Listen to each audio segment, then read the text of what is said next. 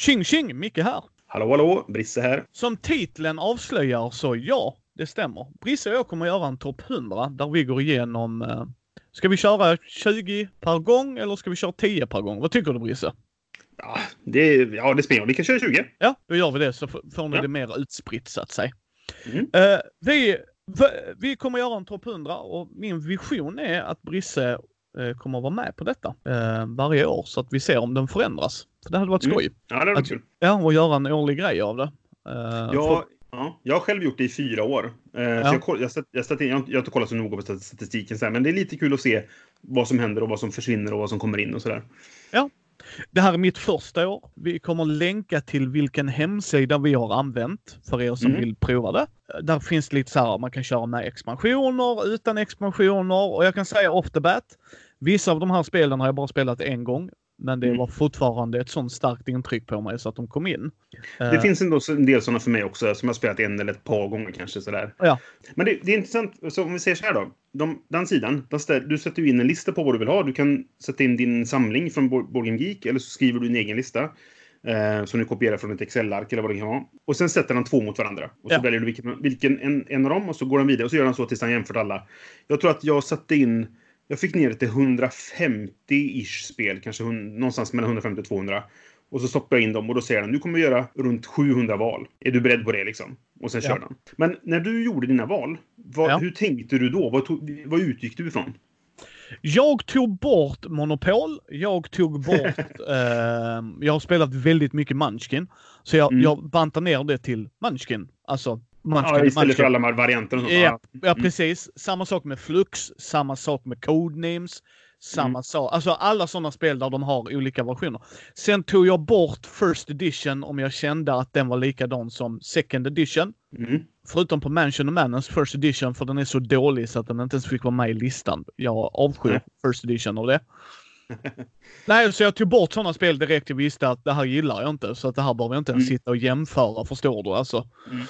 Mm. Uh, så det var min process. Jag behövde inte äga dem. För jag Nej. kan fortfarande tycka att spel är väldigt bra och ångra att jag har sålt det. Spoiler alert. så att det var ja, väl jag, min process. Ja, jag gjorde ju tvärtom, eller på så här. Jag, jag tog min lista av ägda spel på Vårgingvik. För att om jag inte äger det fortfarande, då, är det inte, då vill jag inte spela tillräckligt mycket för att det ska vara värt att ha på listan. Eh, så, så tänkte jag. Och är det ett spel som jag spelat, som jag inte ägt och jag verkligen gillade det, då har jag köpt det antagligen. Så då, då, har jag det antagligen på min lista. Det finns kanske några fåtal som faller bort. Men det, det får vara så i så fall. Så jag utgick från, från de jag äger. Eh, så. Men när du sen gjorde valet då mellan det här eller det här spelet.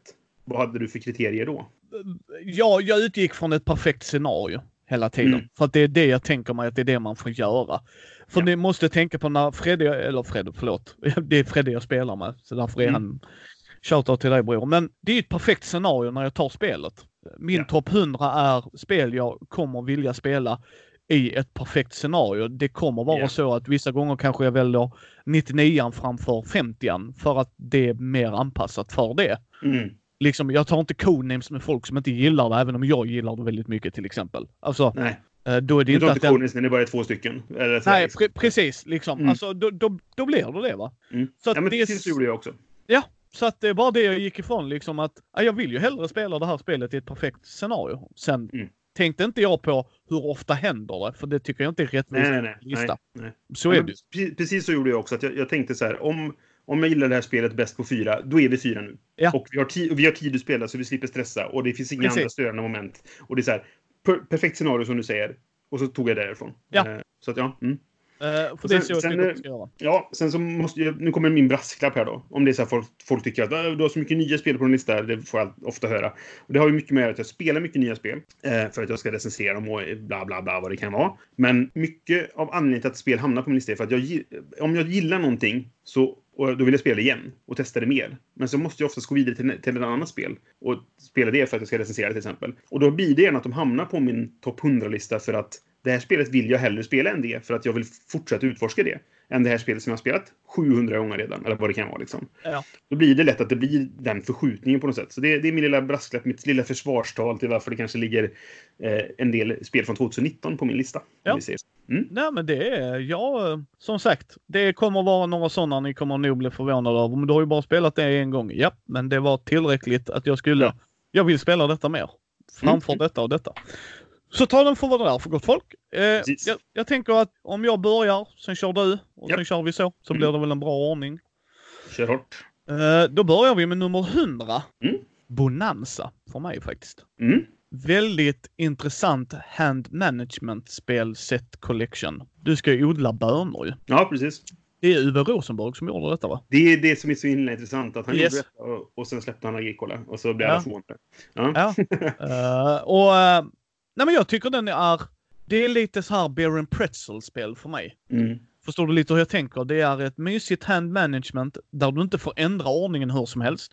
Utan Nej, så det är du en plockar upp... intressant eh, twist på det liksom. Ja, precis. Så du tar upp Mm. korten är så du har dem. Mm. Och äh, ja, jag gillar det. Jag tycker det håller än idag. Mm.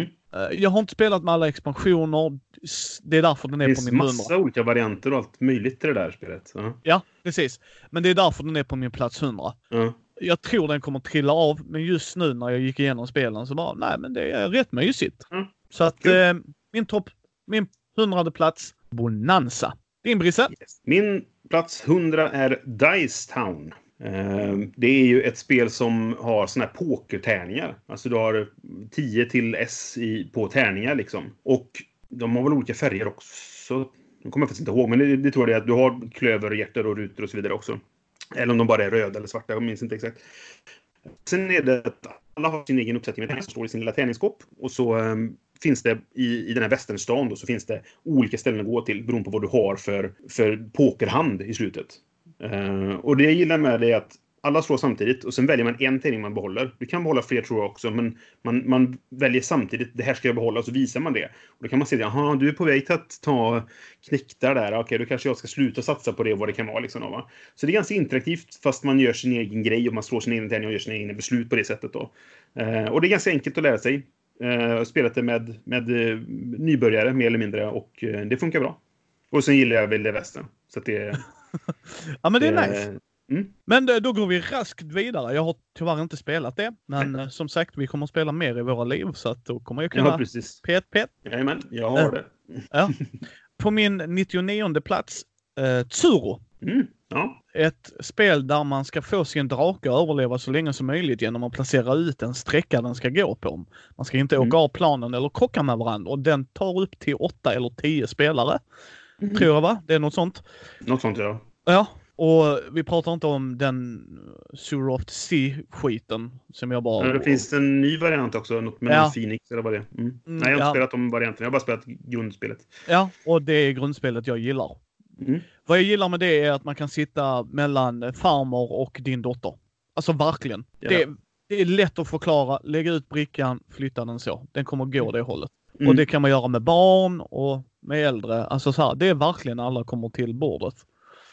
Jag tycker det är mysigt. Och det, samtidigt som det finns sätt att ja, man kan jävlas med varandra också. Börjar man komma Ja. nära varandra så kan man börja liksom för, försöka så här, ja, men förstöra på varandra på ett ganska skojfriskt Ja. sätt. Det är, inte, det är inte elakt liksom så, men man kan busa med varandra liksom.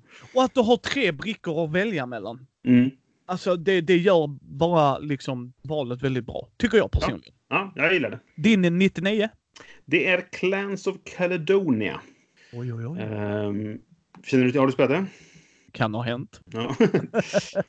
Eh, jag gillar det. Alltså, jag har inte spelat det jättemycket egentligen, men jag har spelat några gånger. Eh, det var sånt där impulsköp på SN det året det släpptes, om det kan ha varit för två år, tre år sedan kanske. Och sen blev det stå stående i hyllan och jag kom inte fram för att ja, mycket annat skulle spelas och så vidare. Och sen så var jag på Brå spelkomment och, och någon sa så här, men ska vi inte testa detta då? Liksom? Och jag tycker det är jätteroligt. Det är, alltså, det är resurshantering, men jag tycker det är kul. Man, man har val på vad jag vill göra. Okej, jag har det här som ger mig mjölk. Vad vill jag göra med min mjölk? Jag vill göra ost. Fine, kör på det. Vad vill jag göra med det här? Ja, jag vill göra whisky. Fine, och så vidare. Man kan satsa på lite olika saker och ja, men det finns en viss spelinteraktion på kartan och så vidare. Så att, ehm, och sen, jag, jag, jag har alltid varit lite svag för Skottland och sådär, så det är lite mysigt. Ja. Ja, Clans of Caledonian. Mm. Mm. Min nummer 98, Formula Mm. D. Yes. Br- helt klart godkänt racingspel. Mm. Där, spoiler alert, där kommer andra som jag gillar bättre. Men Mm. det jag gillar det här är att tärningarna är i olika siffror. Eh, Du ska Mm. planera om du ska växla ner eller växla upp. Du har ett casual mode. Du har ett eh, avancerat mode där man kör med specialeffekter och dylikt och att bilen kan ta Ja, skada, man kan reparera och åka in och pitstop på det. Nackdelen du har, och det är därför den är på min 98 plats, det är att Mm. det är alldeles för lång tid. Om Ja, man är för många spelare. Det tar Mm. alldeles för lång tid för banorna är inte korta. Vilket de inte ska vara i heller, helt ärligt. nej. Men Nej, och det, grund, grunden är väl att man ska köra två varv och det, det spelet slutar nästan alltid. Man bara, ska vi säga att vi bara kör ett varv? När man är halvvägs igenom det varvet så bara, vi, vi kör ett bara va? Ja. Ja, precis, precis. Där är ingen som, ja ah, men vi kör två. Det, Ja.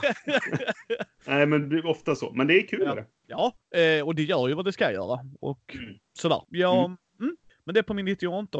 Dinderbrisse. Där har jag, och här har jag fuskat lite grann och slått ihop eh, Legendary Encounters. Eh, det är ju en hel serie med spel, men jag har valt ut då Aliens och X-Files.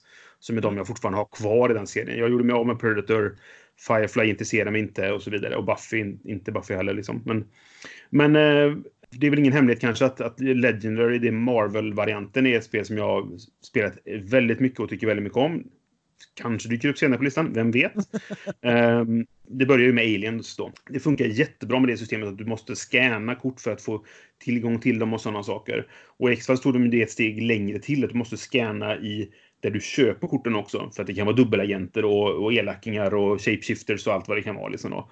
Eh, så det, det, är ett, det, systemet är inte jättebra, men det är bra för att berätta en historia. Man Mm. spelar liksom filmen, eller man spelar den här säsongen av X-Files och sådär. Och den känslan tycker jag är kul. Det gör de bra, även om systemet i sig är mm, okej på sin höjd. Liksom. Det är inte ett jättebra system, men det funkar och det gör det det ska göra. Och då, då blir det bra liksom. Ja, ja men det är härligt. Mm. Uh, 97 plats, Magic the Gathering. Mm. Okej. Eh, jag spelar eh, Magic Arena. Har inte köpt ett enda, utan jag kör bara på det man får i guld och det. Och Ja. jag spelar eh, Commander en hel del. Ja, just det. Ja, okej. Eller inte en hel del. Vi har haft perioder där vi har gjort en hel del. Mm. Och eh, det är fortfarande ett bra spel. Jag förstår varför det säljer. Jag är Ja. inte inne i köphetsen och det är inte det som gör att jag lockar mig. Men det är fortfarande ett bra spel. I grunden är det ett bra spel. Du, jag, som vi pratar om, eh, bra förhållande, så är det någon slänger Mm. en Magic-lek och vi bara har kul. Vi snackar skit, spelar, gör våra drag. Det är så jag vill spela Magic, inte tävla Mm. i det. Och Ja, ja. Mm. Jag, jag har spelat obscena mängder Magic. Alltså, så här, jag, jag började spela när Revised kom ut, tror jag. För så gammal är jag. Ehm, och spelade fram till Homelands. Fanns det en expansion som hette så? Det var, så länge spelade jag. jag. Jag har sålt min Magic-samling tre gånger. Jag sålde den och sen efter ett tag så bara, men jag köper lite, man kan köpa lite sådär. Så köpte jag nya kort och så sålde jag den. Och så, nej, jag kan spela lite Magic. Och så sålde jag den igen då. Så jag har sålt den i tre omgångar. Ehm, och nu håller jag mig borta från det för jag känner så här, jag, det, jag orkar inte hänga med i utvecklingen där. Men skulle någon lägga en Magic-lik framför mig och säga, ska vi spela? Absolut. Ja. För det, är- det är ett bra spel, är det. Precis, och det, det är där jag håller med Brisse. Jag, Mm. eh, jag kommer att spoila en grej nu. Det, det var väldigt så här övervägande. Jag spelade World of Warcraft, TCG. Ja, jag också. Ja, och jag spelade så, in, kort period, men ja. Mm. ja, jag spelade så intensivt. Eh, Topp 8 i Norden två gånger. Oh, wow. Ja, men det är fortfarande inte ett bra system jämfört med Magic. Nej. För att eh, World of Warcraft i all ära, de hade många intressanta idéer. Mm. Men Magic är så lätt att komma in i. Mm. Jo, det. Alltså, alltså förstår du? Det är det som gör det. Mm. Men återigen, det är på 97 plats så där är utrymme för att det ska puttas ner ju. ja. Men, men ja, men det är Nej. min där. Jag kan väl spoila att det, det är inte med alls på min lista. Men, men som sagt, skulle någon ta fram en, en lek och säga ska vi spela så kör jag gärna. För det, det Ja. är ett bra spel. Okej din Brisse. 97. Mm, det är The Taverns of Tiefenthal. Eh, och det här är ett typiskt exempel på ett spel som jag bara spelat en gång. Och det är med på listan för att jag vill testa det mer. Det är ju Wolfgang Warsch som har gjort eh, de här The Mind och eh, Gunshun Clever och de här spelen. Han blir ju väldigt het väldigt snabbt. Och det handlar ju om att driva en taverna i någon sorts eh, tysk medeltidsdalgång sådär. Ja, precis. Eh, det, det är kul. Det du, du, varje runda så lägger du upp kort tills du kommer till en viss gräns. Du gör inget val där egentligen. Du lägger kort tills, du kommer, tills det är fullt i dina bord i tavernan. Men sen är det, vad gör du med det? Och vad lägger du in i din lek? Så det, det är ju lite lekbyggande fast på ett, ett, ett sätt där det du köper läggs på toppen på leken. Så du vet att det kommer komma fram nästa runda Ah. liksom. Så man kan stacka lite grann. Sen när man gått igenom leken, då kommer man blanda dem och så blir det knasigt sådär. Eller du har inte koll längre på, på ordningen sådär. Och sen är det massa olika moduler med. Du har ett grundspel som är väldigt basic. Det har vi, jag har inte ens spelat basic-spelet, utan en gång vi spelade så la vi in uh, tre av fem expansioner tror jag. Så det, det, är en sån här, det är med på listan för att jag vill testa det mer, för att det gav mer smak, även om det inte var det bästa jag spelat, för det hade varit högre på listan. Men, uh, men det var kul och jag skulle vilja spela det igen. Ja, men härligt. Härligt. Mm. Uh, då hoppar vi raskt tack till vidare till nummer 96. Mm. Dominion. Mm. Nu, nu har jag klumpat Dominion här. Mm. Uh, men ska jag vara helt ärlig så är det ju med Dominion Intrigue. Uh, nu är det ju en expansion. Innan var det en standalone. Så därför var Aha, det klumpat. Är det bara en expansion nu för tiden? Ja, jag, vad jag har förstått det som. Jag kan ha helt fel, men jag har förstått det som det. Jag köpte mm. Big Boxen och sen har jag stannat där. Mm. Men för mig är Dominion om jag ska lära, lära någon ett deckbuilding som mm. jag har kul med också ska mm. tilläggas, mm. så är det Dominion jag tar fram. Mm. Det är inte det bästaste, bästaste deckbuilding, för det kommer ni märka. Uh, men det är, i, i mitt tycke då, men det är ett klart godkänt spel. Och framförallt med Intrigue så pumpades det upp som, det satte det på en nivå där jag tyckte det ligger till utan att förstöra. Ja. Seafair bara la till grejer som förstörde tyckte jag. Och nu kan mm. du behålla de här grejerna. Man bara, ah men vad helvete. Mm. uh, men, men jag tycker det gör sin grej. Återigen, ni ska ta de här listorna. Det är väldigt subjektiva såklart. Men ja, det är, men det är klart det.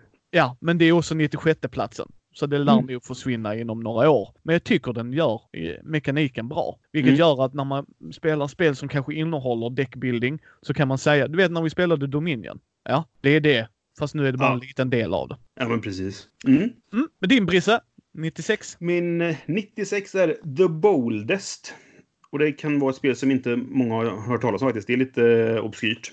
Det är ett spel som är designat av en tjej som heter Sofia Wagner. Hon gjorde ett spel... Oh, nu kommer jag inte ihåg. Fan.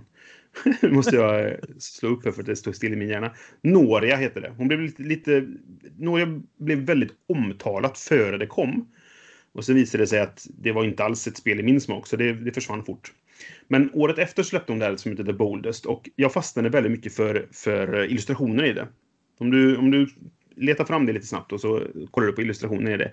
Väldigt intressanta illustrationer av en kille som heter Max Prentice. Och det är någon sorts postapokalyptisk kanske? Exakt vad världen är, det är lite svårt att säga. Men, men eh, man är i alla fall, man ska överleva i den här världen. Man har en expedition som är ute, man ska göra kungen till lags, för mig om man kommer ihåg rätt. Eh, och man har en lek egentligen som man, man spelar kort från. Och du har det, fyra olika klasser tror jag Du har jägare och eh, du har kockar och du har krigare och du har tekniker. Så fyra klasser tror jag det finns. Och så finns det även djur. Och på spelplanen så är det så här, det är, det är rader av kort. Fem rader vill jag säga. Nu tar jag från minnet här, men, men det, är, det är rader med kort i alla fall. Och de fyra. olika sorterna... Fyra rader. Mm.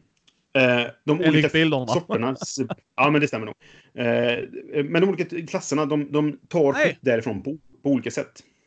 Det var fem, förlåt mig. Nu fick jag en tydligare bild. Det är inte jätteviktigt. Nej. Men, men vad du gör är att, så, här, så att eh, du spelar tre faser varje runda. Och i varje fas så, så, har man liksom lagt då. Då tänk, den här fasen kommer jag använda den här klassen. I den här fasen kommer jag använda den här klassen och den här kommer jag använda den här. Och så vänder man upp samtidigt. Men bara den som gjorde, la flest det är lite budgivning, fast dold budgivning om man säger så, på vem som ska få göra det. Så har jag lagt eh, fyra eh, jägare och du la tre, då får jag göra handlingen och du får inte göra handlingen. Du får en trösthandling istället. Liksom. Och sen gör man det där och olika kort är olika mycket värda och därför så är man ute efter vissa kort och då satsar folk mycket och så vidare.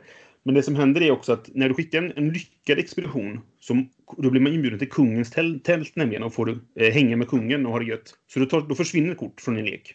Så du skaffar de bra gubbarna genom att köpa. Det, det gör man med kocken då. Kockarna eh, köper kort liksom. Och du ska få in folk som är väldigt effektiva på att göra sitt jobb. Men då kommer de snart försvinna ur leken också. Så det är en intressant balans där som man får hålla hela tiden då. Um, mm. Och eh, ja, det är väl värt att testa. Nu har jag faktiskt inte spelat det på ja, men sen det kom egentligen då för några år sedan. 2018 kom det. Men det, jag gillar det. Och um, det är också ett spel som att, ah, men det här. Du vet, när jag la in det på listan så bara, just det, The Boldest ja. Det är bra. Det vill jag spela mer. Ja, mm. Eh, förlåt att jag avbröt dig där innan. Men det, nej, var... Uh, nej, för jag tittade på uh, artworken och den, jag, jag förstår vad du menar. Mm. Yes, yes. Uh, den var speciell för brädspel. Mm, eller hur? Det ser ut som ja. en serietidning. Ja, Eller rollspel tänkte jag. Som Ja, fantasy-rollspel, liksom man såg in, Ja, alltså där, the boldest. Så man, Mm. hmm. Ja, men det var, det var schysst. Mm. Eh, inte spelat, återigen Brisse. Jag kommer att åka ut till dig en dag så kommer vi få mysa. Eh, nummer 95 för mig, uh, Njet. Uh, Ja, stickspelet. Mm. Mm. Eh, jag har en eh, svag kärlek för stickspel. Mm. För jag tycker de är väldigt bra beer and pretzel. Om du tittar Brisse bakom Ja. sig. Jag ska se ifall jag har kvar det eller inte. Ja. Eh, jag tror faktiskt jag har sålt det. Men, ja, mm. Ja. Jag gillar det, men det blir så här... Ja, men du vet, man måste rensa ibland. Ja, ja, absolut. Men det är det jag gillar med det här är, om man har spelat Plump, eh, som är ett så här, man, vanlig kortleks 52, eh, liksom, eh, där man ska gissa hur många stick man tar. Mm. Eh, det gör man ju inte riktigt här, men det fungerar lite så här. Man ska välja vilken... För i stickspel så har man... Vi ska få stick. Antingen så vill man ha stick eller så vill man inte ha det. Beroende på Mm. vilken typ man kör. Men här, precis, men här om jag, det var ett tag sedan jag spelade, så vill man ha det. Mm. För att de ger en poäng och man vill ha så mycket poäng som möjligt. Men man väljer en lagkamrat. eh, och det var också en intressant take on it. Och det gör man i olika runder. Så liksom, hej Brisse, du och jag ligger lika. Eh, så då vill jag ju välja dig för att just nu vet jag inte vad de andra har för kort liksom. Men Mm. inte nog med det. Du väljer också vad som blir trump, vilka kort som gör vad. Alltså, och du gör detta i turordning. Liksom. Nej, men jag vill, att det, jag vill inte att det ska vara röd som är trump. Just det, man väljer bort vad som inte ska gälla den här Precis. rundan. Och det som är kvar. Just ja, det är Ja. intressant. Mm. Ja, och, och, jag, och jag gillar det. Mm. Eh, jag spelar tyvärr inte det med så många som jag skulle vilja. Men det är ett sånt spel där jag... Mysspel. Mm. Så skulle jag... Nu, nu myntar jag min, Micke från Mindys mysspel. Det är spel där man bara kan sitta och prata, men Mm. samtidigt göra någonting. Ja, Alltså, ha igång ett spel liksom. Inte ett tungt euro eller eh, tungt Ameritrash. För Ameritrash kan också vara tunga med teman och det du vet man ska sitta och läsa. Utan det är en sån grej, vi bara sitter och spelar.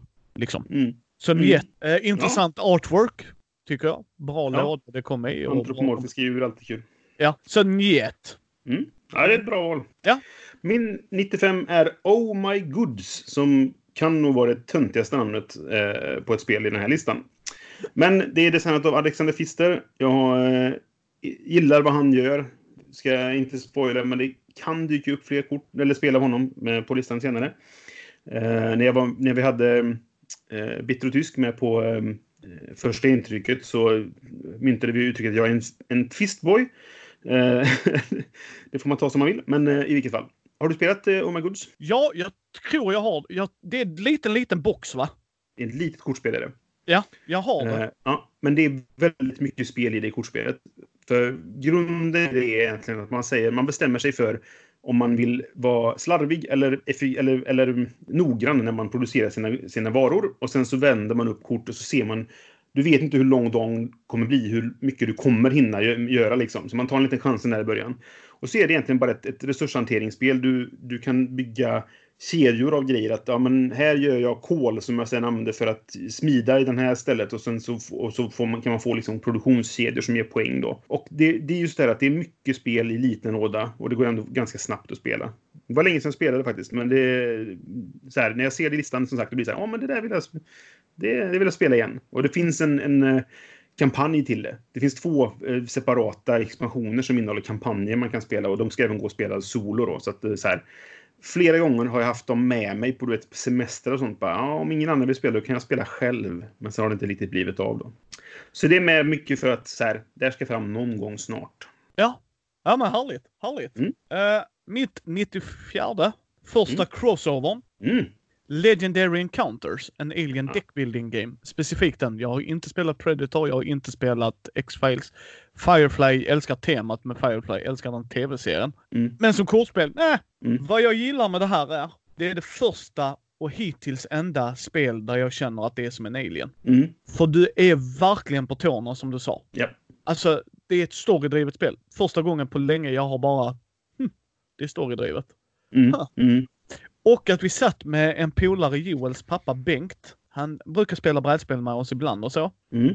Och jag satt och hjälpte honom för att där är mycket att hålla reda på, det köper jag. Ja. Liksom, han har inte spelat så mycket som du och jag har. Men han tyckte också det var spännande. Mm. Och sen gillar jag att man kan bli alien och bara Mm. whoopa de andra. Alltså det är, där är Mm. en viss charm med det. Jaha, nu vann jag. Bara wait what? Nej, nej.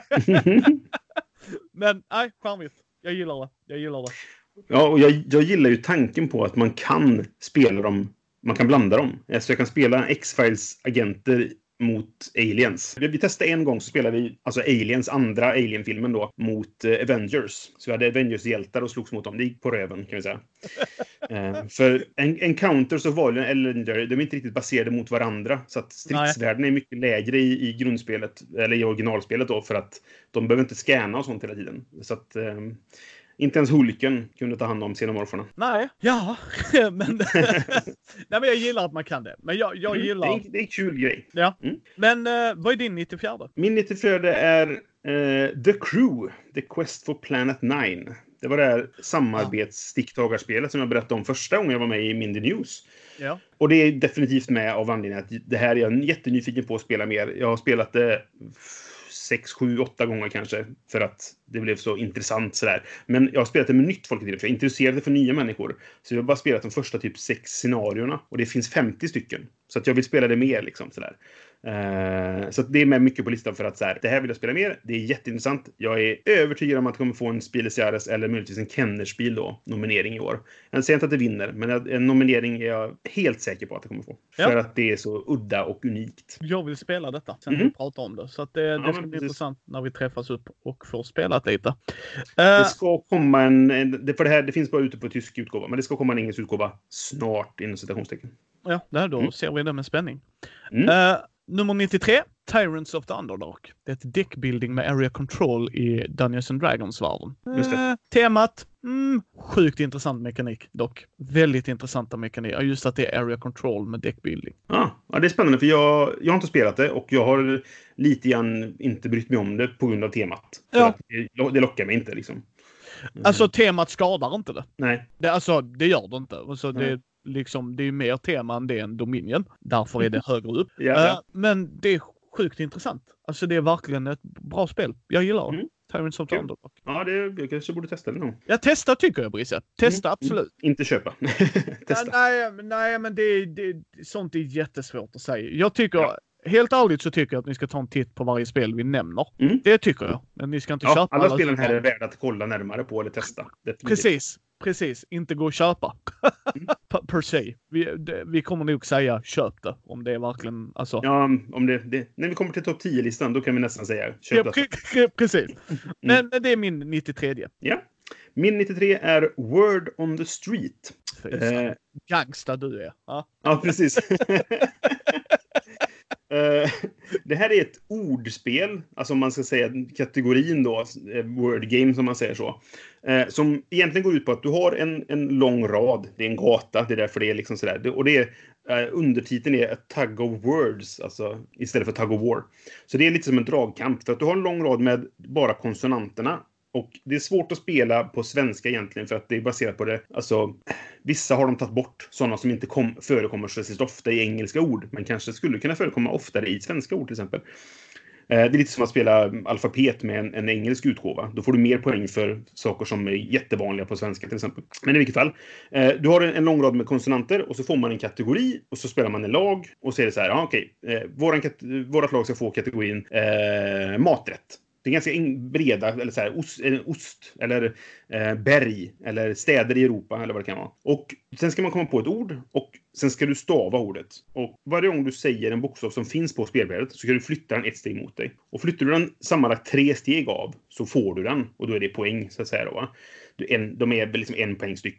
Men i slutet på spelet så vinner den som har ja, men, tagit flest brickor egentligen.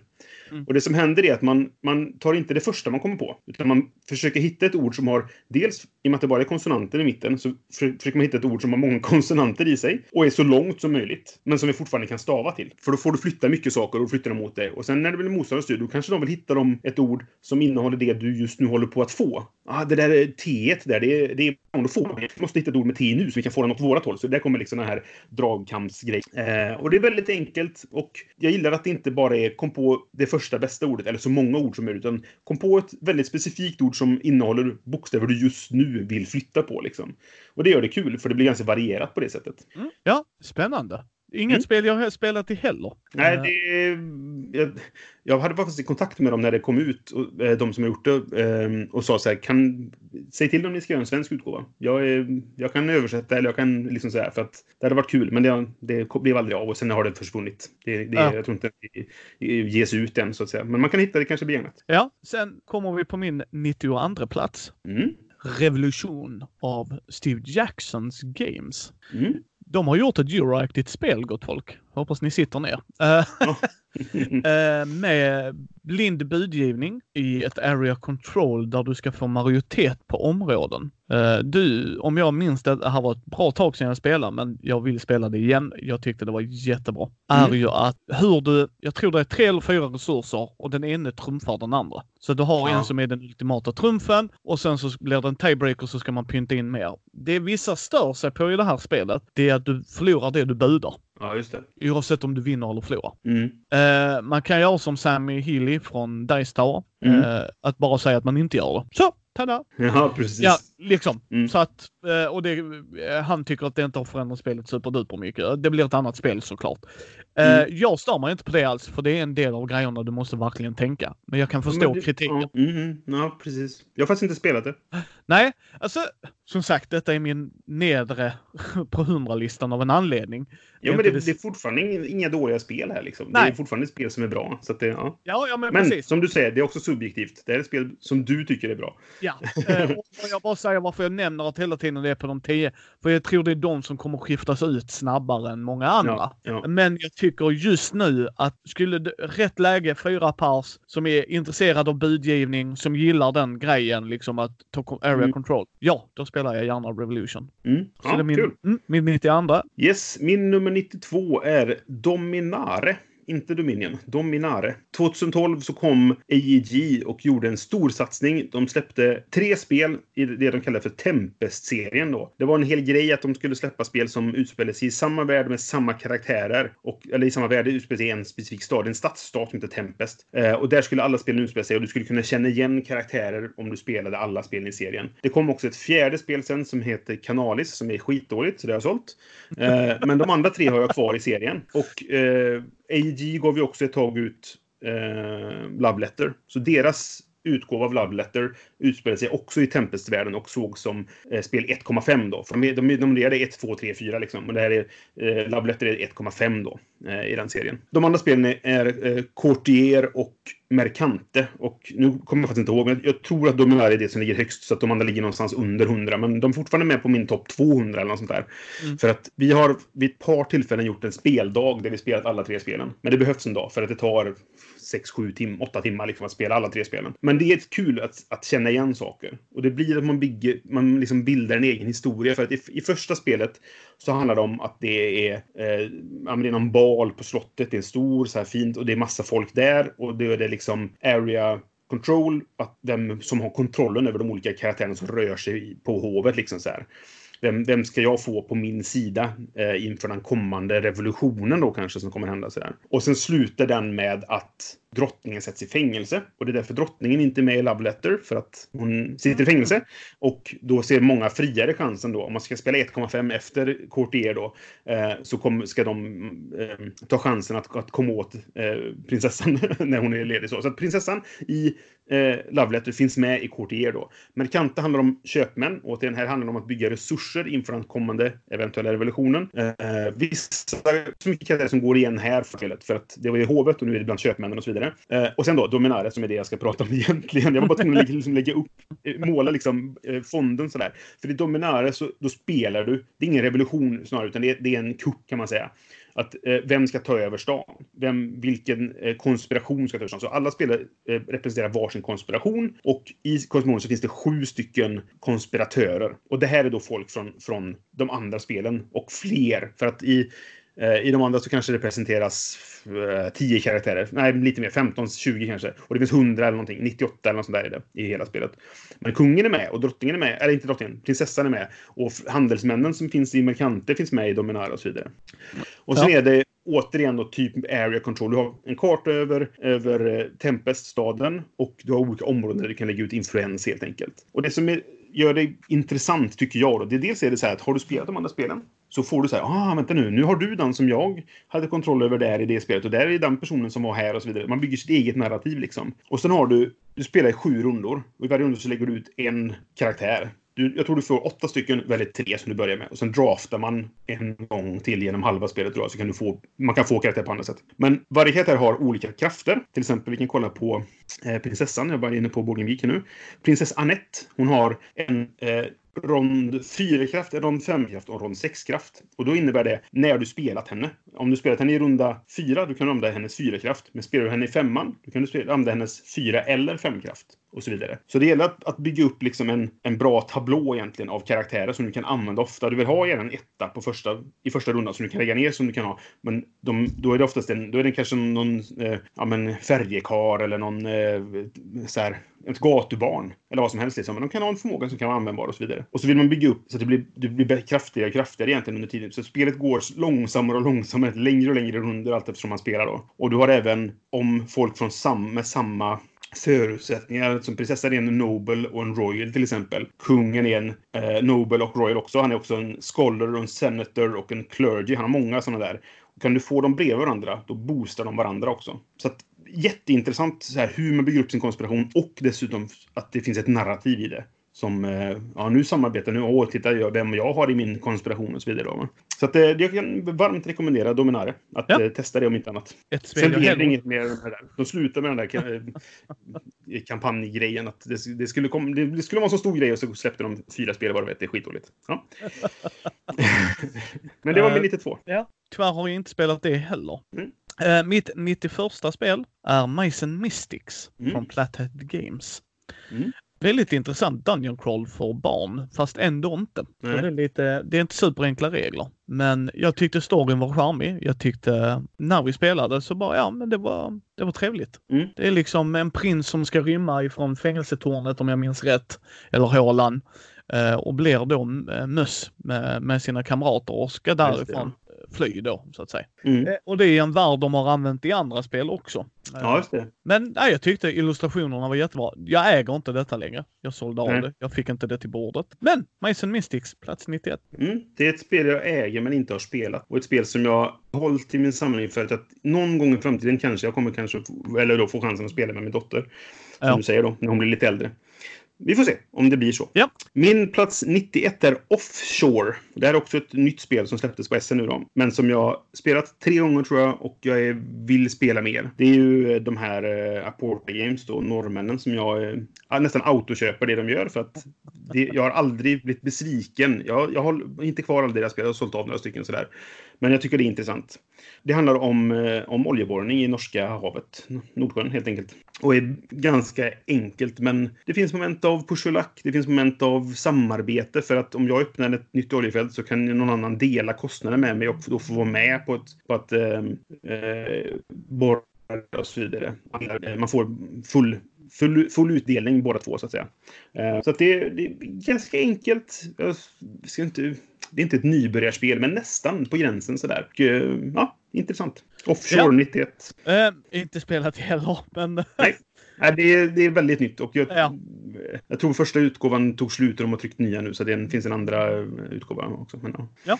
Mm. Uh, min plats 90 Shadows over Camelot. Mm. Days of Wonder, fina komponenter. Du är i Camelot. Du är en av riddarna. Det kan finnas en förrädare som vill motarbeta det. Man ska göra mm. uppdrag mm. ute på spelplanen. Man ska försvara Camelot mot invasionsarméer. Mm. Samtidigt så ska man hitta förrädaren i gänget. Just det. Och uh, mycket charmigt spel. Faktiskt. Ja. Väldigt, väldigt charmigt. Deduction-spel. Yes.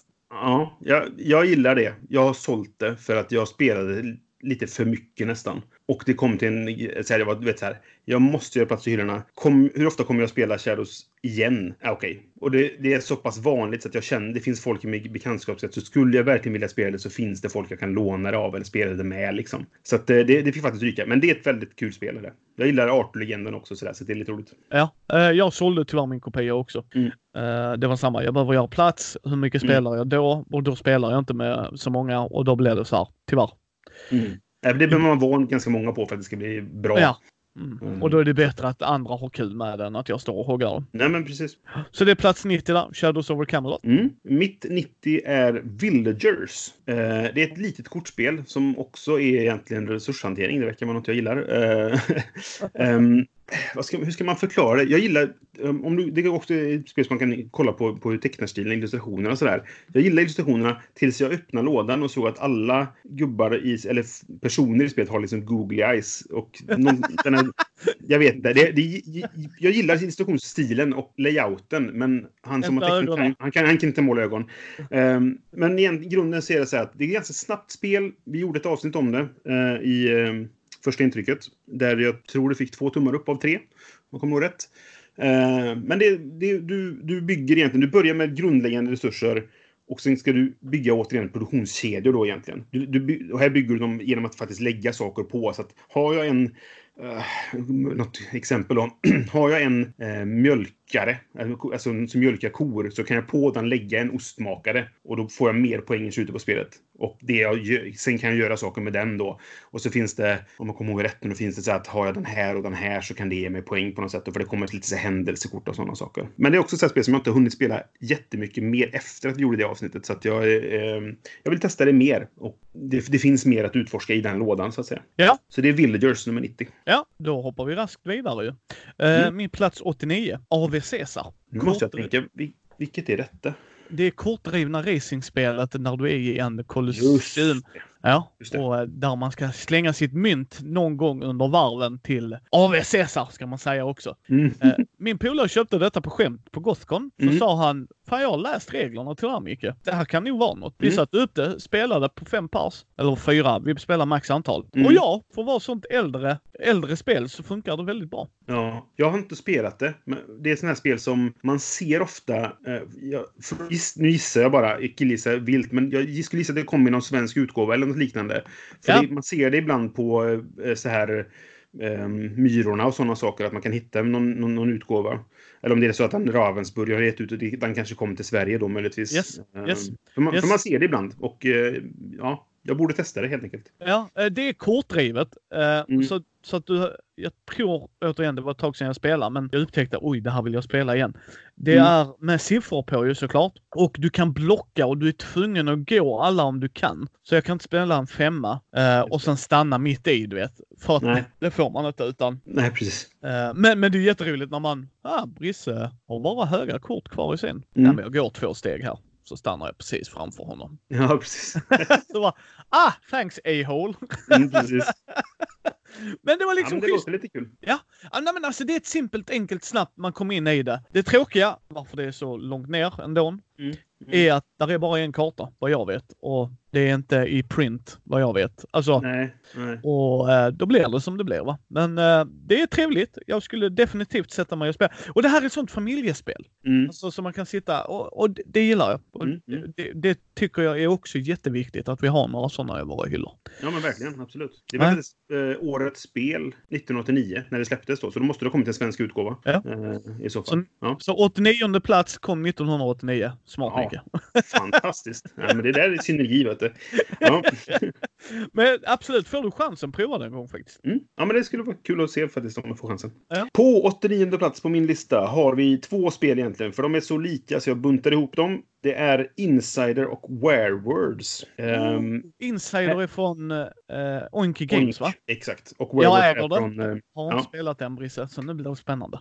Mm. Kör, Werewords är, för, är då från Bessier Games och Ja. ryk, ryktet nu då, det här ska tas med en nypa salt för det är bara ett rykte, men ryktet säger att Ted Allspark från Bessier Games, eh, Eh, han hörde av sig till Oink Games och frågade hej, kan vi göra ett samarbete? Jag vill ge ut det här på innan, jag har lite idéer och jag vill ge ut det här i mitt Werewolf, alltså Werewolf-universat då. Han släpper ju alla sina spel i, i mer eller mindre i, eh, med va- Valve-temat då. Och de sa nej. Och han bara, ja, ja, ni kan ju inte stoppa mig från att göra min egen version. Och så gjorde han det. Och jag, det är lite douchigt, tycker jag. Jag blir lite besviken när det blev nominerat till Spilles Jares. För då tyckte jag att Insider finns redan. Ja. Så, ja, okej. Men i vilket fall, det är ett bra spel. Jag tycker Werewords är bättre än Insider egentligen. De, de tweakarna de gjorde, gjorde det bättre. Så att eh, det, det, ska man spela så ska man egentligen spela Werewolf. Men det är egentligen samma spel. Eh, och grunden är egentligen att en spelare får, eh, får se ett ord och så ska man då genom att, eh, ja men 20 frågor, ja och nej-frågor helt enkelt, lista ut vilket ord det är då. Men i Werewolf så finns det då, eh, i båda spelen så finns det en förrädare som kan vara, den ska då försöka vilseleda de andra spelarna så typ inte gissar rätt. Då vinner insidern, eller varulven i det här fallet då.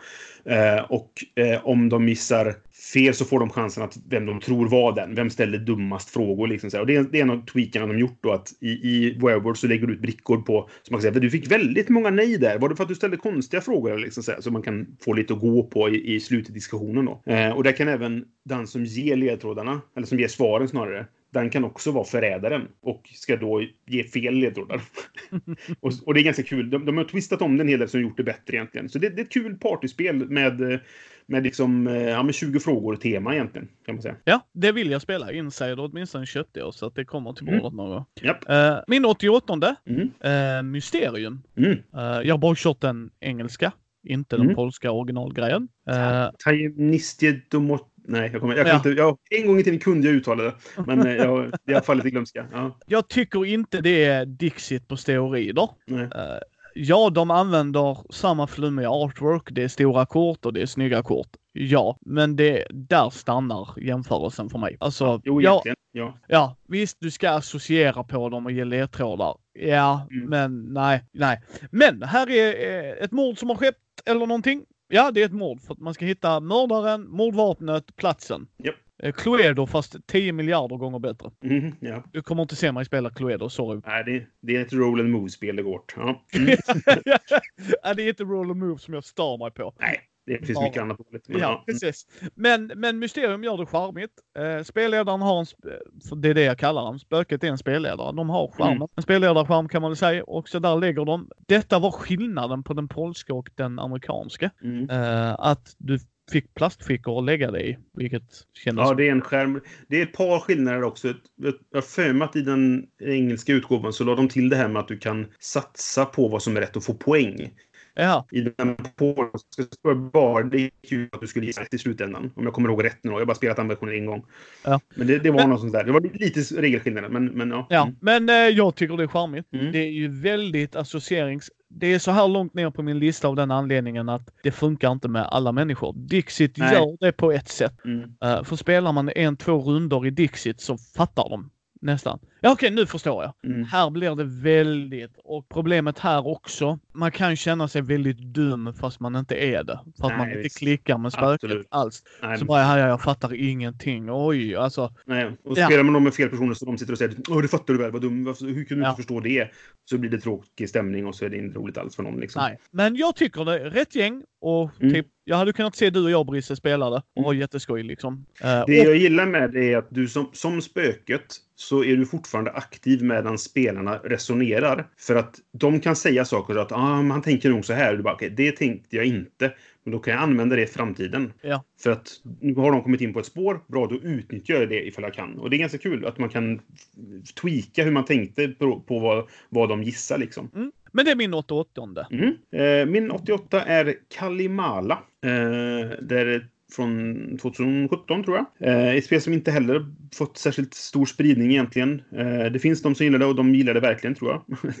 eh, jag, tycker det, jag tycker det är bra. Det som jag tycker är mest intressant, för det, det, det ser ut som ett klassiskt euro. Det är så här eh, bärsgrå eller bärsgul eh, sepia framsida och så är det Um, ser ut som såna träsnitt av eh, folk som jobbar på medeltiden. Liksom. Och det är handel i, i, runt Medelhavet och hela den grejen. Liksom, så, där. så det ser rätt tråkigt ut. Och det, när jag, när jag så här, skulle spela första gången, det här kan ju inte vara något att ha. Men det jag gillade, för att det har um, du slumpar varje gång du spelar, så slumpar du vilken ordning poängrundorna ska ske. Så, och man ser liksom vad som kommer hända när. Och det gör att omspelbarheten blir enorm i spelet. För typ, den här gången så är det jätteviktigt att göra det här. Men alltså nästa gång så kanske det, man struntar i det för att det hände första rundan och till dess har jag inte ens hunnit få igång den produktionen eller vad det kan vara då. Va? Eller bygga den här grejen som jag behöver bygga. Och, och då gör det att man spelar helt olika olika gånger man spelar spelet. Och så är det mycket så här, det är jättemycket interaktion för man, man det är mycket så här area majority och vad det heter då va. Så att eh, jag, jag gillar jag gillar det just för att hur, hur man tänker i spelet är olika varje gång man spelar det. Eh, och det är Mm. lite kul på det sättet. Ja, men härligt. Mm. härligt. Inget jag har spelat det heller för övrigt. Nej, Kalimala. Ja, 87 plats för mig. Mm. One Night Ultimate Werewolf från Mm. Zero Games. Eh, jag gillar det här. Det är ett appdrivet social deduction-spel eh, där man har, uh, där ligger tre roller i mitten och sen får alla varsin roll. Och man ska hitta varulvarna och spöa dem. Och man ska döda en varulv. Varulvarna ska se till att inte bli dödade så vinner de. Jag gillar detta jättemycket. Eh, många Mm. stör sig på troubleshootern som byter mellan två spelare. Mm. Vissa stör sig på att The Drunk tar ett kort i mitten. Alltså sådana grejer. Och det blir ju för kaosartat och då kan du inte Ja, sitta... precis. Ja. Jo, mm, men det är därför jag älskar det. Ja. Nej, men alltså för det, det tar 5-10 minuter att spela och då gör inte den kaosartade grejen mig. Nej, precis. Nej. Ja, nej, alltså jag, jag tycker att det gör, jag gillar det. Vi har haft jätteskoj med det. Det är inte ett perfekt spel. Nej, det är inte det bästa social deduction-spel jag har spelat. Nej, spoiler alert, det kommer ett högre upp.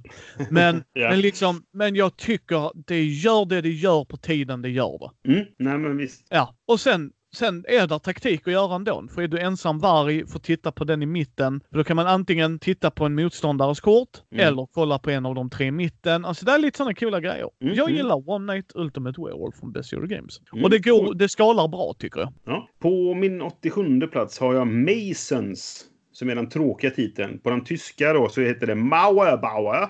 Vilket låter mycket bättre.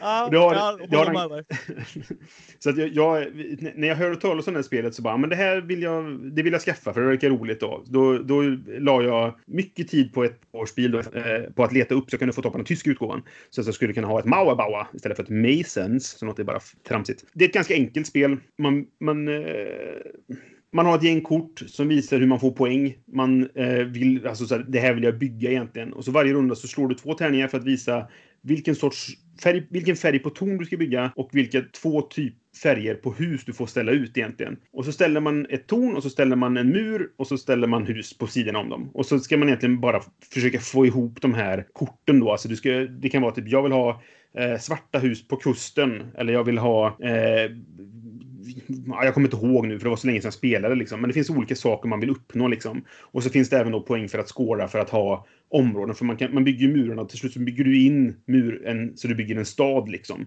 Och då får man poäng utifrån husfärgerna och sådana saker. Så att det, det är eh, ganska simpelt men väldigt mysigt spel. Eh, Leo Colovini som har designat det. Och också ett spel som ingen spelar längre. Men Eh, jag tycker det är mysigt och jag tar gärna fram det. Det kom en ny-ish utgåva av det på SN i år som heter Castello Methoni som inte är exakt samma sak men har väldigt liknande grejer. Men det var väldigt plastigt så jag undvek det när jag var eh, i Essen faktiskt. Men eh, Masons nummer 87 kan jag eh, testa det. Eller Ja. Maua Bauer då helst. Nummer 86 för mig, San Juan. Mm. Det är kortversionen av Puerto Rico. Mm. Eh, samma lite effekter. Gods är ju värt olika mycket. Um, vad har de kvar? Eh, du har ju rollerna kvar. De Mm. finns kvar. Modifierade såklart. Men sen är det kortdrivet och du betalar med... Om en byggnad kostar fyra måste du kasta fyra kort. Mm. Jag gillar detta jättemycket.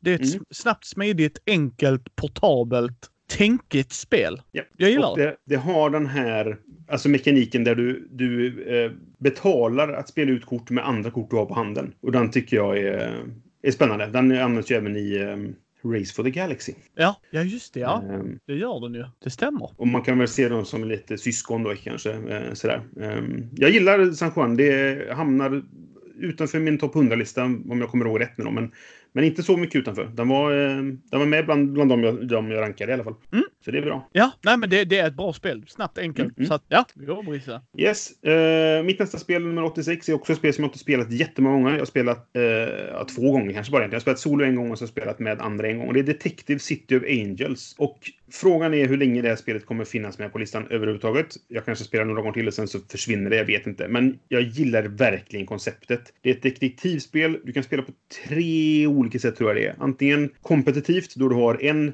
Kissel heter det, alltså en spelledare och eh, de andra spelarna spelar mot varandra och en kan vinna liksom. Eller spelaren kan vinna också. Eller så spelar du kooperativt, alla mot spelet. Alltså eh, alla mot en spelledare och då ska de, de andra spelarna vinna tillsammans eller förlora tillsammans. Och så kan du spela kooperativt, helt kooperativt och då, är det, då slumpar man egentligen kisseldelen då. Men det jag gillar med att som, som spelledare så kan jag ljuga. För det, det är ett detektivspel, man ska gå runt och förhöra folk och liknande så här. Men jag kan, jag kan ljuga och ge fel svar. Jag kan välja, ja, jag vill ge det här svaret istället. Men då kan de eh, spendera en, en resurs för att säga, jag trycker upp honom mot väggen. Ljuger du jävel? Ja, och då måste jag erkänna och ge det riktiga svaret då. Men det kostar resurser så då kanske de inte har dem. Och så vidare och så här. Och jag kan även få hållhaka på dem ifall de trycker upp dem mot väggen men han faktiskt talar sanning. Eller hon. Mm. Vad det nu är då liksom. Och det gillar jag. Vi spelade på tre en gång. Det funkade kanske inte jättebra. Kanske ska vi spela på fler egentligen. För att de var ju bara två detektiver och det finns en, ett moment av att du kan muta folk för att få höra vad andra får för information. Och det var lite för lätt när man bara var två. Skulle man vara fler kanske man skulle sprida ut sig mer och, och det blir lite mer manipulerande med det där. Så att det är med på listan för att jag vill spela det mer. Och dessutom så är det fantastiska illustrationer av Vincent Trade som är min favoritillustratör. Ja men härligt spännande. Så det är test. Ja. Mm. Uh, det var nummer 86. Ja, precis. Min 85 Det här är ett spel jag har pratat om i podden en hel del innan. Där eh, det var det spelet där pappa verkligen förstod vad jag höll på med. Aha. Mm. Mm. Vi, eh, pappa har inte spelat jättemycket spel med mig, men Quirkle är det spelet där han och jag satt en sommar. Uh, även, jag gillar det. Det är ett bra spel, punkt, tycker jag. Mm. Skulle mm. det ramla av av min lista någon gång så kommer jag fortfarande hålla kvar det för det nostalgivärdet. Mm. Det, det, jag äger det inte och jag har faktiskt bara spelat det digitalt och jag skulle egentligen vilja spela det. Jag skulle kanske vilja ha det. För det, det är ett spel som känns som ett klassiskt spel man kanske spelade när man var liten. Om man säger så. Alltså det, det, det har den, den stilen. Det är så enkelt. Så att, eh, ja, det är ett spel jag faktiskt skulle vilja eh, testa mer. Det är lite dyrt här för mig och det, nu är det, det är svårt att få tag på tror jag. Eller mm. jag vet inte om det, det finns i, eh, i tryck, alltså någon, har någon svensk utgivare. Men det har det säkert. Jag vet inte. Men ja, bra val. Det, det är jag nyfiken ja. på. Ja, nej, jag, jag gillar dem. Bra komponenter. Vi, nu gör Brisse som, som vi brukar göra för att vi kan spel. Eh, mm. Quirkle är eh, fyra eller fem olika symboler, fyra eller fem olika färger. Mm. Uh, man ska bygga färgkolumner eller uh, samma symbolkolumn. Men de får inte krocka med varandra, så vi bygger spelplanen. Och lyckas du få en femma så är det en quackle eller en fyra eller vad det är. Men om du lyckas mm. få hela. Och det är jättesmidigt på två och det funkar på tre och det funkar på fyra. Mm. Jag älskar det. Och just att pappa och jag connectar med det spelet. Han aktivt ja. liksom valde att, ja men vi kan spela Quirkle Micke. Liksom. Mm. Så mm. vi satt där på kvällen och bara spelade Quirkle i någons kök som vi sov över hemma hos liksom. Mm. Och så satt vi och käkade ja, det, Nej, mm, det är, av de, ja, det är en av de få äh, minnesvärda stunder jag har med min pappa. Och det är mm. nog en grej jag kommer alltid minnas med honom. Liksom. Så. Ja. Nu har han inte gått bort, men en dag kommer han ju tyvärr göra det. Men det, jo, men det vet jag. Men, men där har jag också. Det, vi, det blir helt ovidkommande egentligen, men vi var på Världskulturmuseet nyligen och de hade en barnhörna. De hade Otello. Och ja. Ella, alltså min dotter är lite för liten för att spela det än så länge, men det är det spelet jag spelade med min mamma när jag var liten. Eh, så det, det, Otello är starkt förknippat med min mamma. Eh, och det är en sån sak som jag alltid kommer ihåg. Eller kommer, kommer ihåg att jag spelat med henne. Liksom, sådär. Ja. Eh, hon är inte heller död för övrigt. Men ja. ja. det, det, nej, det är samma sak där. Att en dag kommer hon försvinna och då kommer jag fortfarande kunna tänka på Otello. Liksom. Ja. Precis. Så, att, uh... så är det. Ja. Eh, min nummer 85 är A Study in Emerald. Uh, och då ska jag väl kanske förtydliga till First Edition. Jag köpte Second Edition, spelade aldrig och sen sålde jag det. För att det verkade sämre helt enkelt. Och uh, A Study in Emerald, det är baserat på en uh, novell av uh, Neil Gaiman. Ja. Som i sin tur är baserad på Sherlock Holmes. Så att det är Sherlock Holmes i en värld där Cthulhu-monstren har tagit över. Eh, så att Englands drottning är typ Shub-Niggurath, om jag kommer ihåg saken rätt. Jag kommer inte ihåg exakt vem det är, men så här, det, det, är Cthulhu eh, Old Ones som styr världen liksom. Och man delas upp i lag, hemliga lag. Man kan antingen vara då, eh, kommer jag inte ihåg vad det heter. Ja, du, den ena sidan är att du vill hålla kvar det som det är och den andra sidan är att du vill göra, störta dem eh, och komma tillbaka som det var förr igen, när människorna styrde världen. Liksom. Och det, det, har lite samma system som eh, andra spel som Martin Wallace har gjort. Till exempel A Few Acres of Snow. Du däckbildar lite grann, du har använder kort för att göra olika saker. Och det, det jag gillar med det här var ett spel som vi spelade i, i podden när vi började med Vems tur är det? När vi när det bara var en, en snackpodd så att säga och inte där vi spelade spel för första gången då. Och vi spelade tillsammans och det var en jätte jätteintressant spelomgång. Där på slutet så, för det är så här, eh, man spelar och får poäng och så vidare. Och sen kommer man till ett läge, jag tror det är man, när man nått upp till en viss poäng så är spelet slut. Eller det finns olika sätt som slutet på spelet triggas på, men vad som händer då är att man kollar vem som har minst poäng då. Det laget elimineras. Hela laget. Alltså även, även om den som har mest poäng är i det laget så försvinner det laget. Och så är det den som har mest poäng av det laget som är kvar som vinner. Och det som hände var att halvvägs genom spelet så blir det upp, uppenbart för mig då att jag är ensam i mitt lag. Och då känner jag att jag kan ju lika gärna ge upp. Jag har inte en chans att vinna detta. För att de andra är tre mot, det är tre mot en. Liksom. Om jag bara kan hålla mig som tvåa, då vinner jag. För att det är tre stycken. Om bara en av dem ligger under mig när spelet är slut, då kommer jag vinna. För då kommer det, det hela det laget elimineras. Och när, de när, när det här blev, det blev tydligt, ganska, så här, alla runt bordet förstod att jag är ensam i mitt lag, de är alla tre, tre mot en. Och då tyckte de haha, vi kommer vinna. Och jag tänkte nej, allt är skit. Och sen vänta här nu. Och så vände det. Och så blev det att alla de kämpar för att de ville ju att de hade ett gemensamt mål att jag skulle vara sist. Så de inte blev eliminerade allihop. Men de ville ju också vara den som då vann. Så att de, de, de, de slutar ju bråka med mig och börjar bara bråka med varandra istället. Fast inte för mycket. Så att en av dem hamnar under mig och så vidare. Och det slutade med att jag vann spelet. För att jag lyckades hålla mig precis över gränsen. några, en eller två poäng över den som var sist. Och så eliminerades hela det laget och så vann jag liksom. Och det är det jag gillar med det spelet. Att det kan hända sådana saker. Sen är det helt bananas. Det finns zombies med och det finns vampyrer och det finns Cthulhu-monster och hej och och jag vet inte allt vad det kan vara. Men, men eh, just att det, det det där kan hända. Det gör det jag blir fascinerad av spelet. Jag har inte spelat det jättemycket. Det kanske inte är ett superbra spel, men det är ett sånt spel som att det ligger mig varmt om hjärtat bara för att det är så intressant, om man säger ja. så. Jag tror att Second Edition så förenklar de väldigt mycket och då, då, blir det inte lika intressant längre. Så att, eh, men ja, eh, A Study in Emerald. Också en fantastisk novell. Den finns inläst. Eh, gratis kan du hitta den om man, man får googla lite för att den är, ligger lite dold sådär. Men man kan hitta en, en, en MP3 där den är uppläst av Neil Gaiman. Jättebra eh, short story liksom. Ja, ja och ett intressant Mm. Ja, inte spelat det heller, men taggad på. Mm. Min 84 plats, Sia, Legends of Drist System. Oh, ja. Mm. Det är ett spel jag inte spelat, men som jag är jättesugen på att spela. Det står i min hylla och tittar suktande efter det, men jag har inte fått fram det än. Nej, uh, Gothcon baby. Gothcon. Mm, det ska... kanske. Ja, vi får se. Men vi, mm. definitivt. Varför det är så långt ner säger folk för att uh, Micke har pratat om det. Mm. Det är för att där är spel jag hellre spelar framför det. Mm. Men det är fortfarande inte ett dåligt spel. Det är ett av de bättre rymdfararspelen. Nu, liten tidbit för folk här. Jag är inte ett super sci-fi fan. Jag är inte ett super fantasy fan heller. Så mm. Sia är det inte det som lockar mig i rymden. Nej. Utan det, det är rymden, det är helt okej okay i rymden. Det säger jag inte. Bli inte sura på mig gott folk. Mm. Uh, men för mig är det, vad gör jag i rymden? Jag utforskar. Jag kan uppgradera mitt skepp. Jag kan hitta grejer. Och det kan du sätta med, med en träjolle mitt ute på Stilla havet. Jag hade fortfarande gillat det liksom. Alltså det är själva mm. den biten jag gillar. Ja, det görs bra. Det är lite längre ner på min lista för att det är alldeles för repetitivt. Okej. Okay. Yeah. Och med det sagt, när jag tar upp det de gångerna. Det här är inte ett spel jag vill spela back-to-back. Nej. Det här är ett spel jag vill spela en gång var tredje månad. Ta upp, spela igenom, ha jättekul, packa ner, lägga in. Yeah. Och kvar min samling av den anledningen. Mm. Men för problemet blir att man ut, det är alltså ett sånt. Du utforskar, du uppgraderar ditt skepp, du kan pio ner andra och för, för du ska få mer, mest ära. Det är det det handlar om ju. Mm. Problemet är det att, att handla Alltså att köpa varor och sälja varor är väldigt mm. starkt i det här spelet. Så har du två planeter som bara synkar bredvid varandra så ja. Just det, ja precis. Ja. Men det händer inte jätteofta så därför hade det hänt jätteofta hade jag inte gillat det, det kan jag säga. Men nej, nej. min 84 se mm. Legends of a Drist System. Ja, det är jag väldigt sugen på att testa vid tillfälle. Kan du lära mig det så, så är jag skyldig dig en tjänst. Ja. ja, men det ska jag göra. Jag gillar det jättemycket. Mm. Ja. Kul. Eh, min nummer 84 är Number 9, som borde ligga på nionde plats då, men ja. Mm. Eh, men eh, Number 9, det är ett ganska enkelt spel. Vad man har är att du har ett antal brickor som är siffran 1 till 9 och 0 är med också. Och de är lite speciellt formade. De är som ja, Tetris-bitar ungefär, fast väldigt udda, udda former så att säga.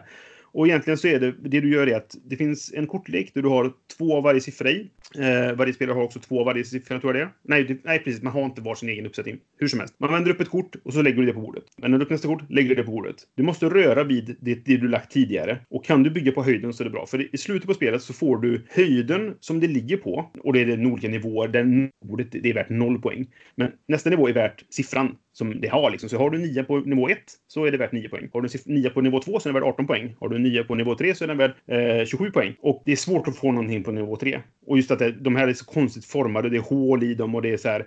Och att sitta och liksom mickla med det där, det är jättemysigt. Det är ett väldigt solitärt spel, man spelar helt själv.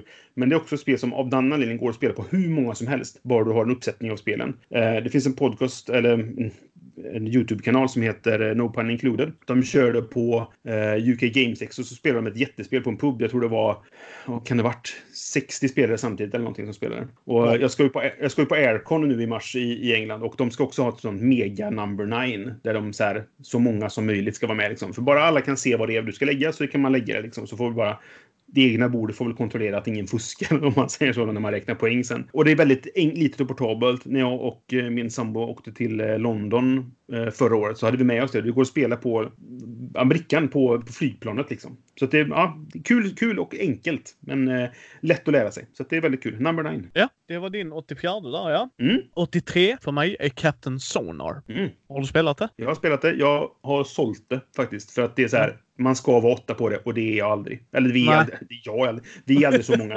eh, Ja, jag hoppas Så- inte du är åtta pers. ja, du har inte hört talas om mina multipla personligheter.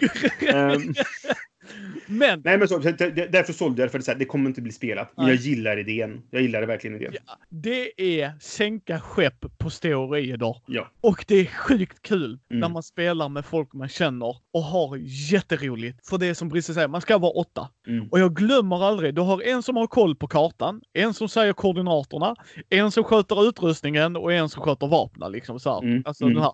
Och det är sjukt roligt när man blir skojarg, kaninöron här. Mm. Vad i helvete Brisse! Varför tog du den grejen? Ja, precis. Nej, men ja. Och just det, som engineer då, jag har spelat engineer när jag spelat det. Eh, jag har bara spelat det ett par gånger och du spelar engineer. Så får, varje gång du gör en förflyttning så kryssar du för någonting och, så det blir skadat så att säga då. Ja. Så kan man göra handlingar för att laga båten. Och då säger man typ så här, okej kaptenen, svänga, absolut, vi får inte köra åt vänster nu för då kommer den här gå sönder liksom. Vänster, bara, men jag sa ju bara, men jag var tvungen, det var, det var ju saker framför mig. Och då hörde andra laget det, bara, åh spännande, kan, då kanske de är här och så vidare. Ja, Ja. Nej, väldigt kul. Ja, ja, nej, jag, alltså jag älskar det. Jag älskar det. Jag tycker det här är ett konventspel. Det här Mm. är ett sånt man skulle kunna, du vet så här, småtimmarna, halvtröttna, varit uppe ett par timmar, spelat spel. Alltså det är sjukt jävla kul när man lyckas sätta det. Ja. Alltså, är man åtta pers, ni spelar mycket partyspel Mm. och ni vill utmana varandra. Det här är sjukt skoj. Och det roligaste var, första gången vi spelade så började vi precis framför varandra.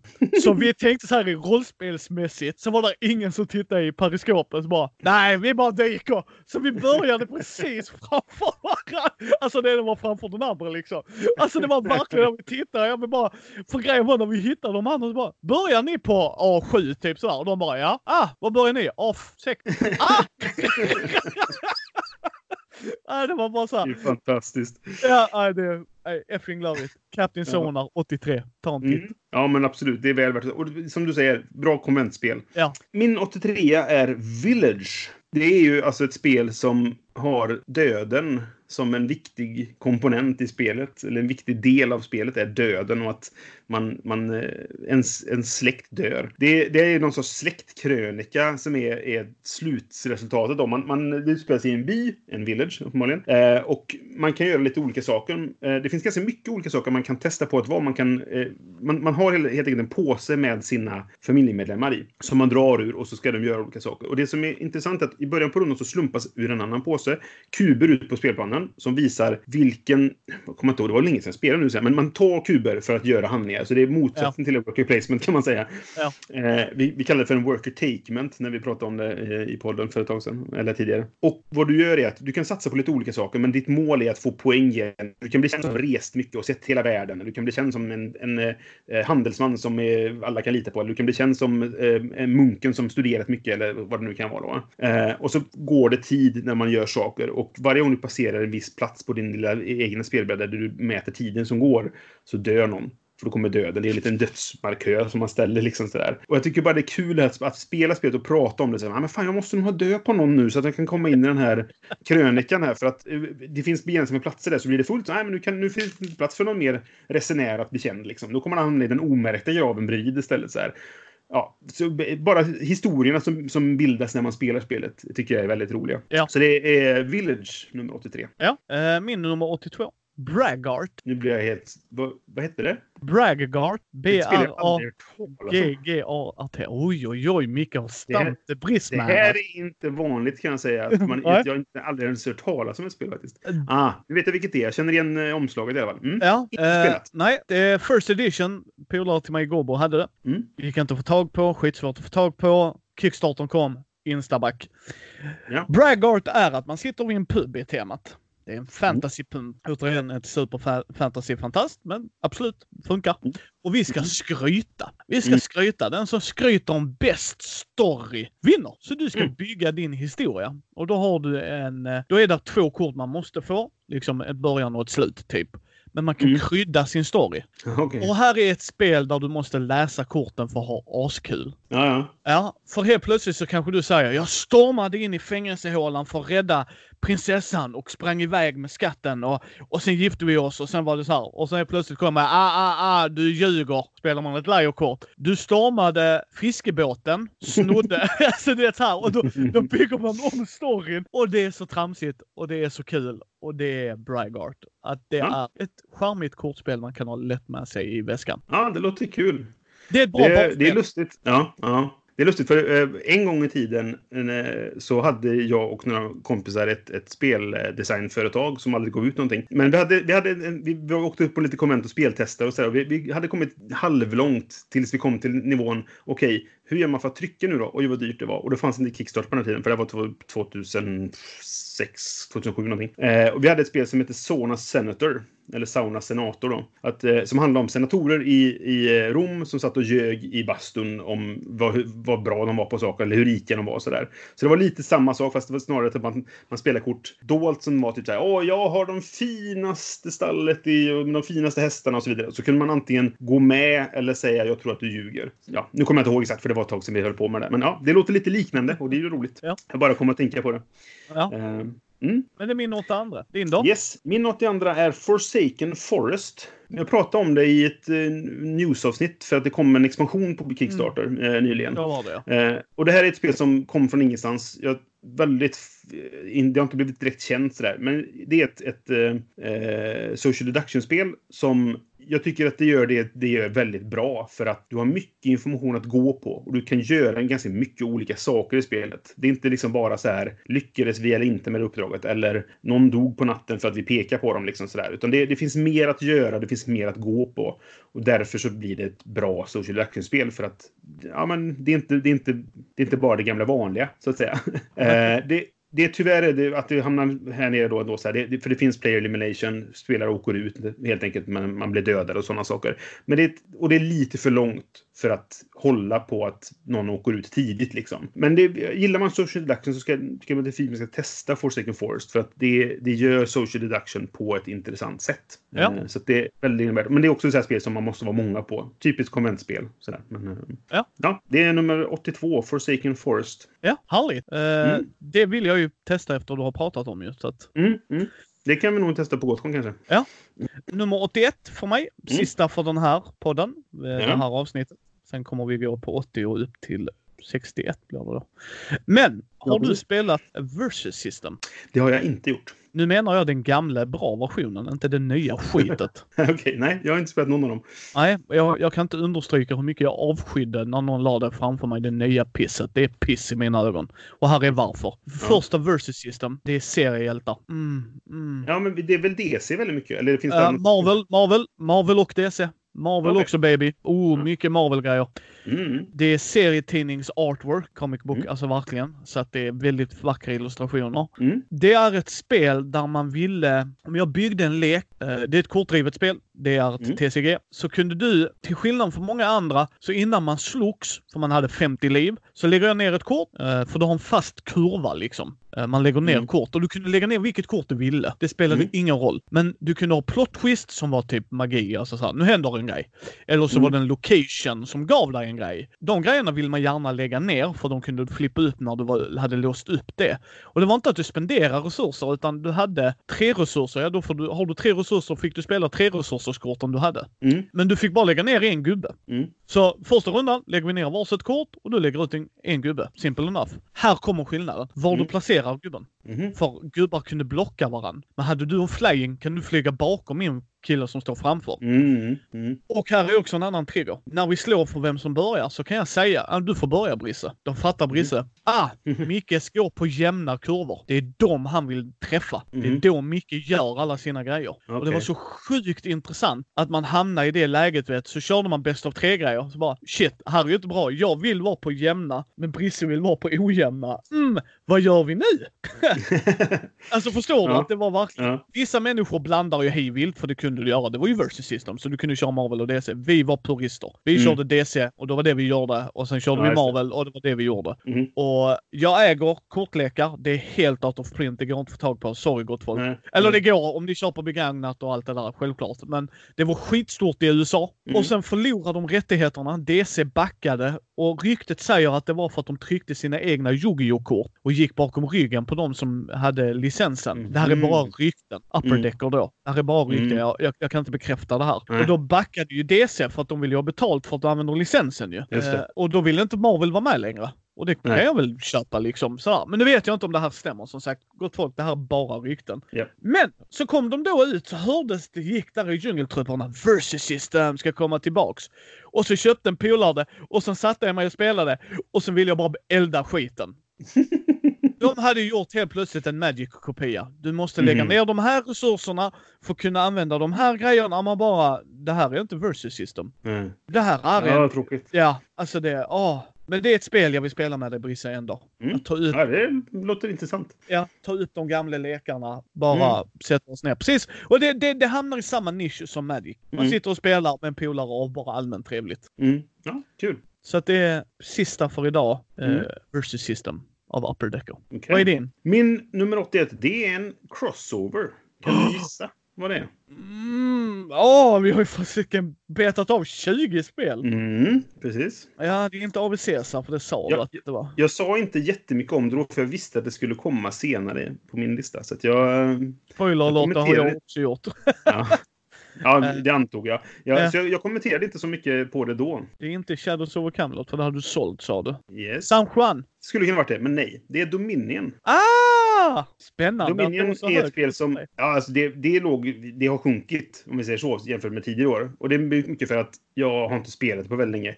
Jag, jag äger allt som har kommit till Dominion, för jag fortsätter köpa expansionerna när de kommer. Nej, okej, nu ljög jag. Jag har inte ägt allt. Jag äger alla så här promokort och sånt bjäfs. Men jag äger inte de här nya utgåvorna av det vanliga grundsättet. Men jag köpte Ja. den här update-packet, så jag skulle få det som fanns då. Men, men det, när Dominion kom så var det, det var som en revolution i min hjärna på något sätt. Jag bara, det här är så bra. Jag, jag, då på den tiden förde jag inte statistik på hur mycket jag spelade, men jag, det är nog ett av de spel jag har spelat flest gånger som jag fortfarande äger. Liksom. Vi, jag bodde tillsammans, eller granne med en kille som heter Birger, eh, som spelar spel också. Sådär. Eh, jag hyrde i andra hand hans grannes lägenhet helt enkelt. Och han gillar såna här och Du spelar sådana här heldagars eh, hidden movement på en karta stor som ett pingisbord i skala 1 till 600 eller vad det kan vara. Liksom sådär. Eh, och då var jag med ofta där. Och så, det är ju sån där, i och med att det är hidden movement och där, så går du in och så är du, är du vid kartan i, i fem minuter. Och sen går du ut och så är du inte vid kartan i en timme. Och sen går du in i fem minuter och så vidare. Och då behöver man något annat att spela. Och då spelar vi Dominion. Omgång på omgång på omgång på omgång. Liksom sådär. Jag har spelat det extremt mycket. Men sen har jag nog haft ett uppehåll på kanske typ fyra år. som jag inte spelat, spelat Dominion alls. Men jag har fortsatt köpa expansionerna. Jag har inte spelat med dem. Så där, de är så här, ja men någon dag ska jag ta fram det igen. Så där. Och nu var det faktiskt för, jag var hemma hos en kompis. Och vi sa, ja, men vi spelar någonting en stund och sen skulle jag göra något, vi skulle sticka iväg eller vad det var. Så bara, men fan, Dominion var länge sedan jag spelade. Och han hade bara, i citationstecken då, alltså eh, grundspelet. Men jag bara, men det är kul, vi spelar med grundspelet och ser hur det är. Så spelar vi tre omgångar på rak, liksom så här med hans, jag, och han och hans son då. Och hade jättekul, för det är ett bra spel. Men det, det ligger någonting i för att jag spelat det så lite. Men det, det, det, jag tror att det hade nog varit utanför listan nu om jag inte hade spelat det den gången då för, för några månader sedan. De här tre, tre på raken där. Annars hade det nog hunnit glida ur. Men eh, jag gillar det för vad det, det dess, dess liksom eh, legacy, eller vad ska man säga? Det, Ja. det skapar en hel genre av spel, eller en helt ny spelmekanik. Liksom sådär. Det skapar nu bara bla bla bla, Star, vad heter det? Ja, gjorde ja, ja. det först och hej och hå. då. Men det var Dominion som fick genomslagskraften. Liksom. ja det, sattes det, satte mekaniken på kartan. Ja, men precis. Star, Starcraft heter det väl, eh, säger folket, var det som hade det först. Men eh, i vilket fall. Dominion nummer 81. Så gott folk, då har ni lyssnat om ni har hållit kvar er så länge på de första 20 spelen vi går igenom på vår Mm. topp 100. Och som du sa, alltså alla de här spelen är värda att åtminstone testa. Ja, ta en titt på. Helt Mm. seriöst. Bara ta en Mm. titt. Eh, och ni kommer nog märka snabbt att nej, det här är inget för mig. Nej, men det är helt okej. Ja, men visst. Absolut. Det är ju subjektivt som sagt. Det är Ja. vår, våran lista. Varför jag ville göra en sån här lista och varför jag tycker det här är intressant, det är att vi, Brisse och jag har världens tur att vi gör det här mycket. Mm. Vi får spela spel. Vi åker på konvent. Vi har rätt människor, kaninöron, som vi träffar och spelar spel med. Och vi, vi är fullt medvetna och tacksamma över det. Men det här Absolut. gör också att ni som inte har lika mycket tid som oss kanske kan få en fingervisning på spel. Jag kanske borde ta en titt på det här. Ja, och jag menar, om vi pratar om och beskriver varför vi gillar spelen som vi gör nu så kan det också vara typ så här. Ja, men ni, kan, alltså, ni kan få en, en, en ch- chans att lära känna våran spelsmak. Så ni Ja. vet att ja, men om du gillar det där, då kanske jag också ska testa det. Och det där lät intressant och så vidare. Då. Ja, precis. Eh, Mm, mm. Det, och det är därför vi gör de här grejerna. Och sen tycker jag sånt här är jätteroligt att kunna återkomma varje år och gå Mm. igenom. Se, oj shit, nu blev jag överraskad och sådär. Nej, men precis. Så att absolut, det håller jag Mm. helt med. Återigen, ni hittar ju Brisse på, i Fenix, på eh, spelradio. Ja. Och Vems tur är det? Eh, ni hittar ju oss på mindy.nu, Mindys bräd och rollspelspodd på Facebook, Instagram, Twitter, Youtube. Mm. Gå gärna in och kolla vår Patreon om det är något ni vill donera till. Många bäckar små. Precis. Jajamensan. Och ehm, har ni några frågor och sånt, skicka till mig och Brisse. Alla de Mm, grejerna är i absolut. show notesen. Vill ni se oss ta upp vissa ämnen får ni gärna också höra av er. För Brisse och jag, vi bubblar gärna med varandra. Mm. Eh, vi ska göra en disclaimer här. Vi brukar göra grejer med Thomas, Mm. men Thomas har beslutsångest. Eh, och, det, och det köper jag, rätt upp och ner. Men eh, frukta ej gott folk. Visionen är att han ska komma längre upp, så får vi se. Mm. Men Br- Brisse och jag kör ända in i kaklet här. Så att, eh, Yes. Jag är väldigt nyfiken på vad som kommer fram, komma på din lista framöver. Det är jättekul det här. Ja, ja, ja, ja, och jag är lea-taggad. Det är många spel som bara, "Hö, det här har inte jag hört. Hö, det här har precis. inte jag hört talas om. Oj! Och sen att jag stumpar där med Bragard. Oj. Ja. Aha. Ja, ja, ibland, ibland så. Men eh, Mm. då hörs vi om ett tag igen, gott folk. Jajamän. Hej då! Hej då!